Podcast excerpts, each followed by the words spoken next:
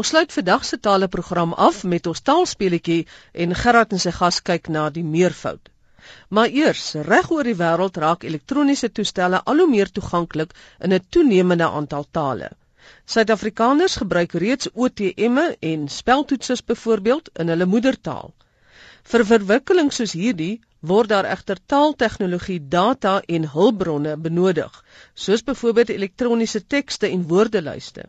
Hoe meer data daar beskikbaar is, hoe slimmer sal die stelsel word om die mens-masjien interaksie deur 'n bepaalde taal te fasiliteer. Maar daar's 'n gebrek aan data en dit is hier waar die tegnologie aandag sal moet gee en dit is hier waar daar heel waarskynlik nuwe werksgeleenthede vir taalpraktisyns en mense wat in die tale studeer kan lê. Ek praat nou met die direkteur van die Navorsingseenheid vir Tale en Literatuur in die Suid-Afrikaanse konteks, by die Noordwes Universiteit se Potchefstroom kampus en hy is professor Justice Roo. Professor Roo, voordat ons verder gesels, gaan hul net gou geweer die storie oor taaltegnologie. Eerste jy uh, 'n bepaalde funksie wil verrig, jy wil inligting bekom. So bekom inligting deur die rekenaar of deur teks of van spraak of deur van spraak gebruik te maak. En ek dink as jy nou kyk in die daaglikse omgang, ons gebruik dit in elk geval al baie wyd As ons dink aan 'n Google soek engine byvoorbeeld, waar 'n persoon met gewoon teks intik of deesdae ook met die stelsel kan praat, bevele gee. En hierdie funksie word dan uitgevoer en die inligting word verkry gewoon deur hierdie tipe interaksie deur spraak of teks interaksie met die stelsels. Nou weet dit is beskikbaar op rekenaars of sodanig, maar ook op slimfone uh waarin is vandag gewoon die vraag of vra enige tipe vraag sou kom vra op 'n slimfoon en dit vat jou dan na 'n webwerf toe en gee vir bepaalde inligting wat jy sou wou hê. En seker ook die um, outomatiese tellermasjiene by banke waar jy in 'n taal kan sê wat precies, jou transaksie moet wees. Presies, presies. Nou, ek dink dit is uh veral met hierdie inligtings uh funksie wat wat daarna gesoek word uh, is uitdagings, is daar 'n bepaalde uitdaging vir ontwikkelaars. En die uitdaging is natuurlik om hierdie funksie in verskillende tale te kan toepas. Nou in OTM masjiene kry ons gewoon net 'n keuse wat jy maak. Maar mens sou ook op 'n gegeewe punt kom waar jy kan praat met 'n stelsel en gewoon net begin dat die stelsel dan alreeds optel jy praat Engels, Afrikaans, Xhosa of wat ook al. So dit is een van die albeer algemene toepassings. Dan aan die ander kant, soos ons almal weet, die gebruik van speltoetsers, dis al by ons. Ons het al hierdie speltoetsers al reeds in die meeste Suid-Afrikaanse tale, maar dan ook vir amptelike gebruik. 'n Verdere funksie of toepassings wat daar bestaan is gewoon die van masjienvertalingsstelsels. Nou, die aard van die saak masjienvertaling kom al uit die vorige eeu, uit die 50s uit en dis nog steeds nie waar dit moet wees in die aard van die saak nie. Maar dit is 'n besondere hulpmiddel veral in veeltalige lande en byvoorbeeld in die Europese Unie word dit wyd gebruik al reeds masjienvertalingsstelsels of masjienvertalingsondersteuningsstelsels vir vertalers waar dit gaan om veeltaligheid wat dokumente vertaal moet word. En ek dink binne die Suid-Afrikaanse konteks is dit natuurlik 'n ook 'n baie belangrike aspek om aan te spreek en daaroor word ook heel wat werk in hierdie verband gedoen. Nou wat is die presiese domein waar julle nou in uh, werk of verkeer? Ja, die totale as mens dan die totale spektrum kyk in die aktiwiteite wat plaasvind, behels taaltegnologie gewoon die aktiwiteite van rekenaarwetenskaplikes, elektroniese ingenieurs, maar nou ook taalkundiges. En dis jammer om te sê dat ons dit binne ons Afrikaanse konteks weer 'n uh, gebrek werklik aan goeie taalkundiges wat ook hierdie ietsie van 'n tegniese agtergrond ook het wat dit ook kan kry uit die aard van die saak. Maar dit is dus samewerking gewoonlik in meeste van die projekte wat uh, bevat dan nou ook persone vanuit hierdie verskillende domeine. Die basiese tegniek vir dit daar gebruik word is of tegnieke liewer is statisties van aard. En dit impliseer juis die beskikbaarheid van data, van taaldata. Dit is nou teksdata, spraakdata, maar nie net in 'n rou vorm nie, maar ook in 'n bepaalde formaat. Met ander woorde, dit moet eers omskep word tot so 'n mate dat dit kan gebruik kan word in 'n bepaalde toepassing. En ek dink die die algemene reël wat ons maar altyd in die veld gebruik is dat uh die beste data is meer data Hoe meer data mens het in 'n bepaalde stelsel, hoe beter kan die stelsel afgerig word. Van baie van die stelsels werk ook op autonome leer. Wat dan is so, soos die stelsel data verkry en gebruik word, word die uh leer hy homself om ook dan kom ons sê slimmer te word. Nou in Suid-Afrika byvoorbeeld, ons kan nou in Google en ander van die tegnologie ingaan om ons inligting te kry, maar alles kom in Engels na on, ons toe. Daar is seker hier en daar funksies vir vir miskien Afrikaans. Maar is die ideaal dan om byvoorbeeld in enige taal daardie inligting te kan kry wanneer jy iets Google of iets op die selfoon of die slimfoon soek dat dit dan in die taal van jou keuse daar sal wees. Is ja. dit die idee? Ja, dit is die idee. Trouwens daar daar is al wêreldwyd bestaan daar al sodanige stelsels waar jy ek, ek, ek ook byvoorbeeld in een taal navraag mag doen, maar in 'n ander taal dan die die resultate kry. Dit is een van die punte waartoe mense graag wil werk sodat mense ook uh jy die bemagtiging kry deur deur die tegnologie om jou taal te kan gebruik en jou inligting te kry ongeag van die van jou die taal wat jy gebruik. Nou hoe hoe ver is ons gevorder hiermee? Met on, al ons tale met met die 11 tale in Suid-Afrika. Kom ons sê ja. die 10 tale want Engels is nou nie 'n probleem nie. Dis reg. Sover die die inheemse tale al betref wat Afrikaans nou insluit, is daar met betrekking tot spel toetsers bestaan daar al reeds 'n hele stel omtrent vir die meeste Suid-Afrikaanse tale. Party van hulle is kommersieel beskikbaar, ander is in oopbron beskikbaar. Dan is daar heelwat aktiwiteite wat ook in die verskillende universiteite plaasvind waarin prototipes al ontwikkel is van verskillende met verskillende tipe toepassings. Byvoorbeeld 'n toepassing waar ons spraak na spraak vertaling kan kry selfs op 'n slimfoon waar jy dan byvoorbeeld Engels aan die een kant sal insit voorlopig nog, maar dat ons klasse aan die ander kant uit kry of omgekeerd. Hoe ver is ons daarmee dat ons al kan praat? Uh daar is inderdaad by een of twee vriende universiteite waar hierdie tipe aktiwiteite plaasvind waar daar prototipes is. Maar dit is aard van die saak daar is heelwat veral met die vertalingskomponent kan daar nog baie plekke wees. Ek wil sê daar's daar's eintlik drie tegnologieë wat in so 'n geval gebruik word, naamlik in die eerste plek spraakerkenning, as jy in een taal praat, dan moet daar 'n masjienvertalingsproses plaasvind en dan moet dit die uitvoer moet dan weer gesintetiseer word in 'n ander taal. So daardie stukkies tegnologie moet in jou slimfoon beskikbaar wees. Dis reg, dis reg. So dit is in wese bestaan die tegnologie rondom uh al drie hierdie terreine meer in taal uh, in spraakerkenning sowel as spraaksintese die tegnologie is ver ontwikkel al die probleem is en bly data wat nog by moet kom om dit juist net beter te maak. En en of om dit gewoon toe te pas in 'n bepaalde taal as ons byvoorbeeld Chivenna wil doen of in Tsonga dit is gewoon daar's 'n gewone gebrek in hierdie data. En dit is wat ons dan nou hoop om binne hierdie agentskap vir die hulpbron bestuursagentskap wat toegeken is aan CTEX uh juis hierdie hierdie uh leemte op te vang. Dit lyk vir my asof hierdie verwikkelinge met die tegnologie eintlik nuwe ruimte skep vir mense wat taalpraktisyns is of 'n loopbaan in tale wil volg. Inderdaad, inderdaad. En ek dink dit is deel van die strategie ook vanuit die departement kuns en kultuur waar daar ook 'n klein sogenaamde ekspertpaneel is wat help in die beplanning van hierdie aktiwiteite uh om juis ook kom ons sê interim opleiding te verskaf aan mense wat daar reeds in 'n bepaalde terrein is of as 'n vertaler of as gewoon taalkundiges wat miskien met 'n bepaalde graad of nagraadse kwalifikasie sit om juis heropgeleid te word om mee te kan werk aan so sodanige stelsels dis deel van die breër plan. Uh dit vat natuurlik 'n bietjie tyd om uit te rol, maar die ehm um, daar moontlikhede geskep word en is veral eintlik wat by aan betref ehm um, belangrik vir die Afrika tale. Want ons sit met die probleem by Afrika tale dat die meeste van die studente binne die Afrika tale neem nie taalkundige kursusse nie.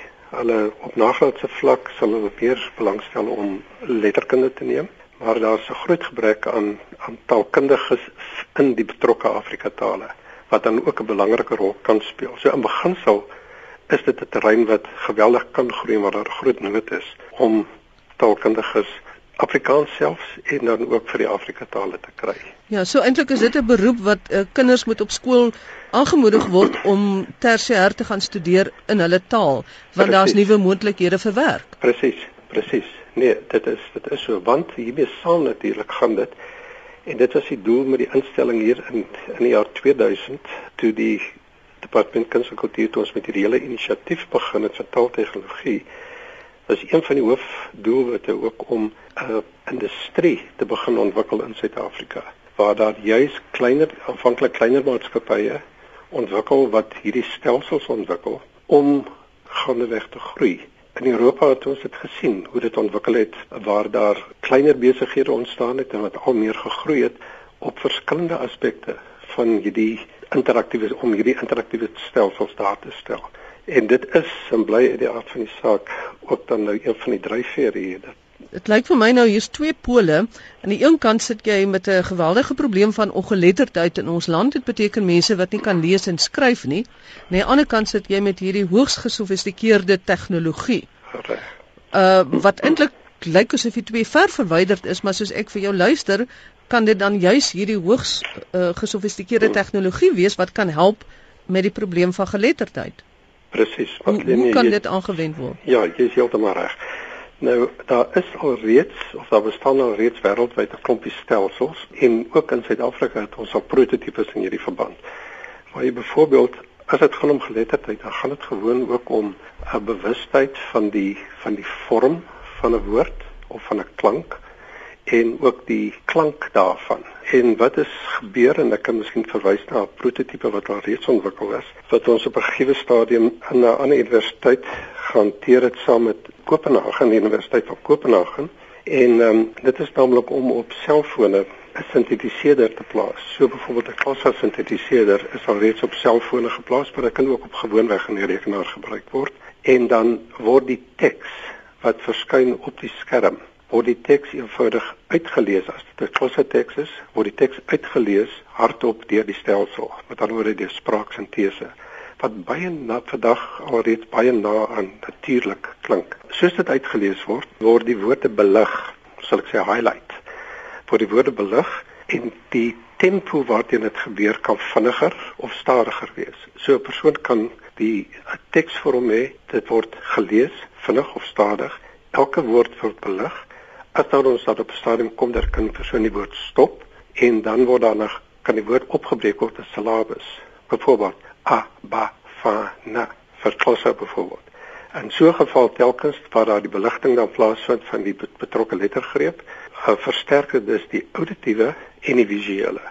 En dit lê baie na die grondslag van geletterdheidsopleiding ook. Maar hiervoor is nodig dat ons veel meer moet doen um, in terme van spraaksintese. En weer eens data beskikbaar. En data. Dit is heeltemal reg. Al hierdie data en dit is die die primêre funksie dus van hierdie taalbron bestuursagentskap wat ons het, is juis om teks en spraakdata wat gegenereer word deur navorsingsprojekte, deur ontwikkelingsprojekte wat veral ook staatsbefonds is, maar nie noodwendig nie, te versamel, dit te organiseer, te sistematiseer en daardie data weer beskikbaar te stel vir navorsers en ontwikkelaars want dit is 'n baie duur proses en baie intensief om hierdie data in regte formate te kry. So wat dit eintlik hier gebeur is dat ons probeer om 'n sentrale deponeringspunt te word waarin alle data wat gegenereer word. En miskien moet ek 'n voorbeeld noem. Hansard, dinge wat in parlement gebeur aan plaaslike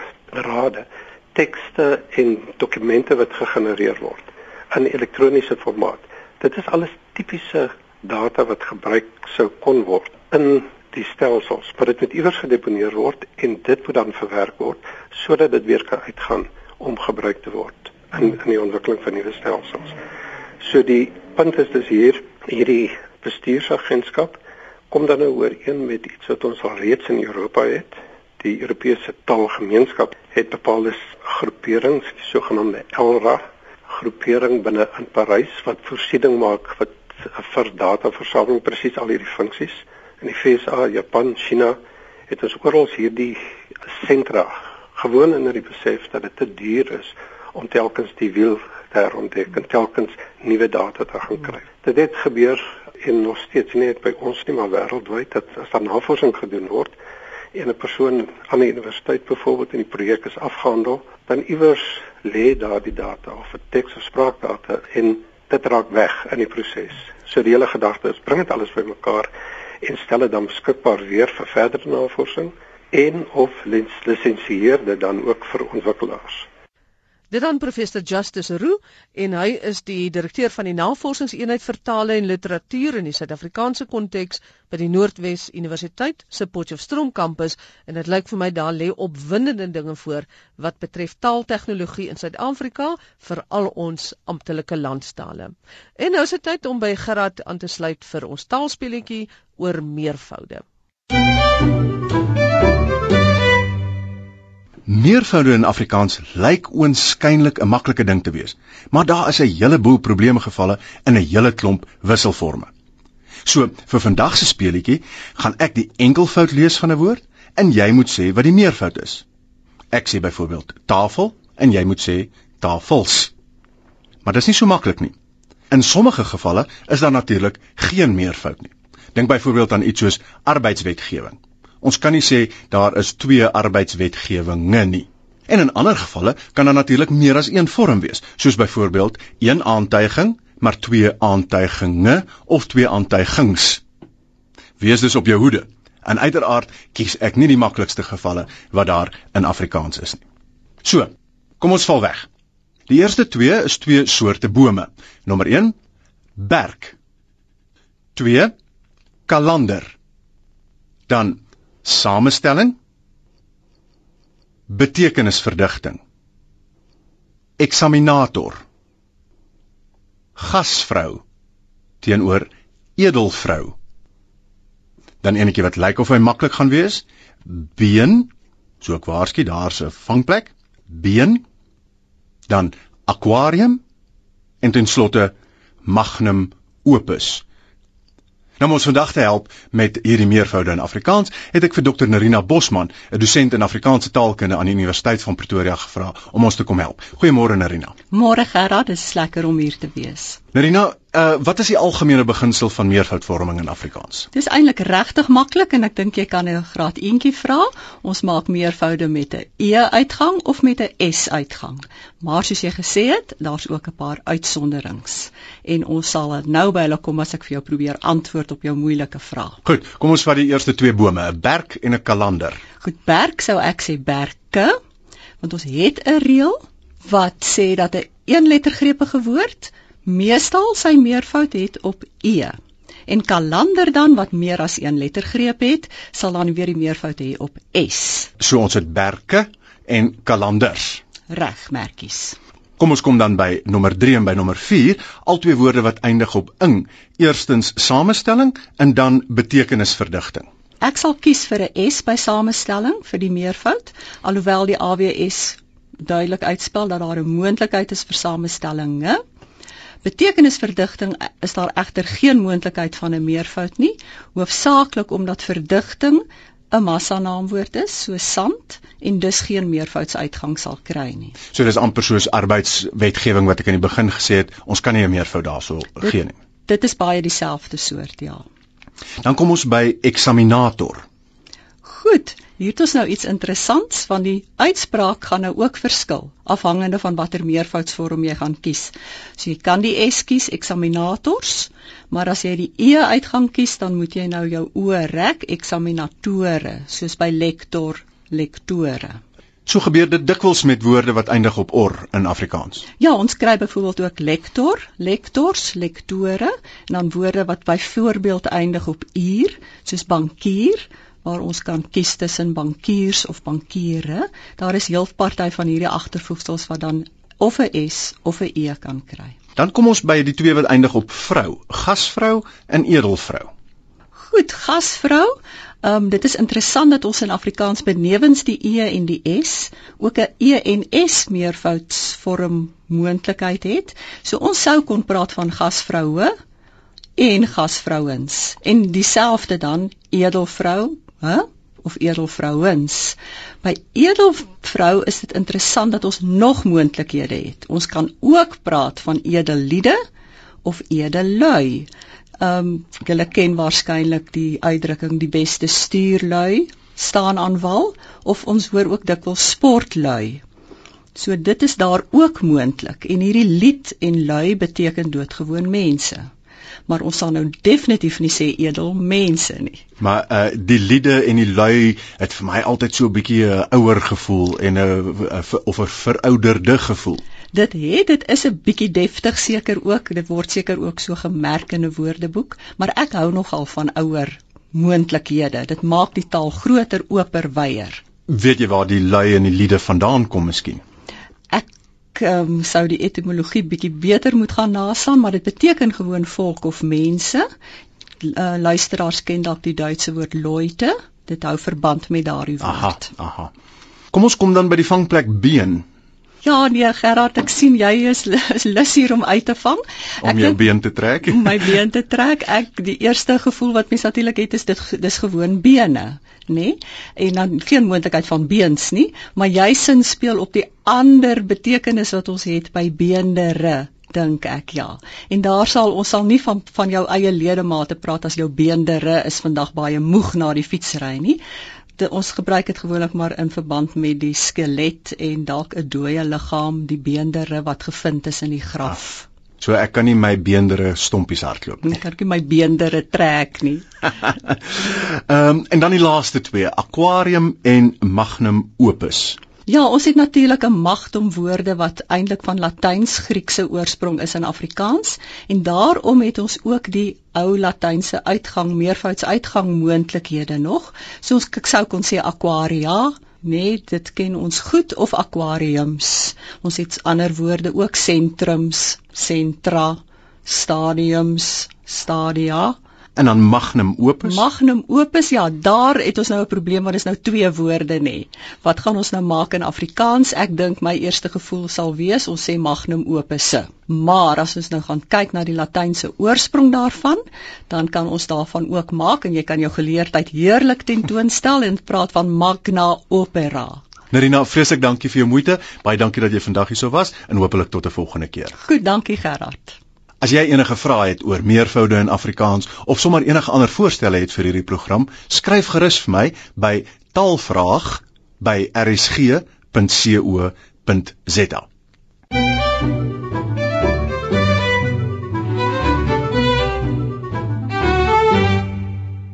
Nooit te oud of te laat om te leer nie, né? Groete van my Magtleen Kreur tot volgende Sondag se die tale wat ons praat.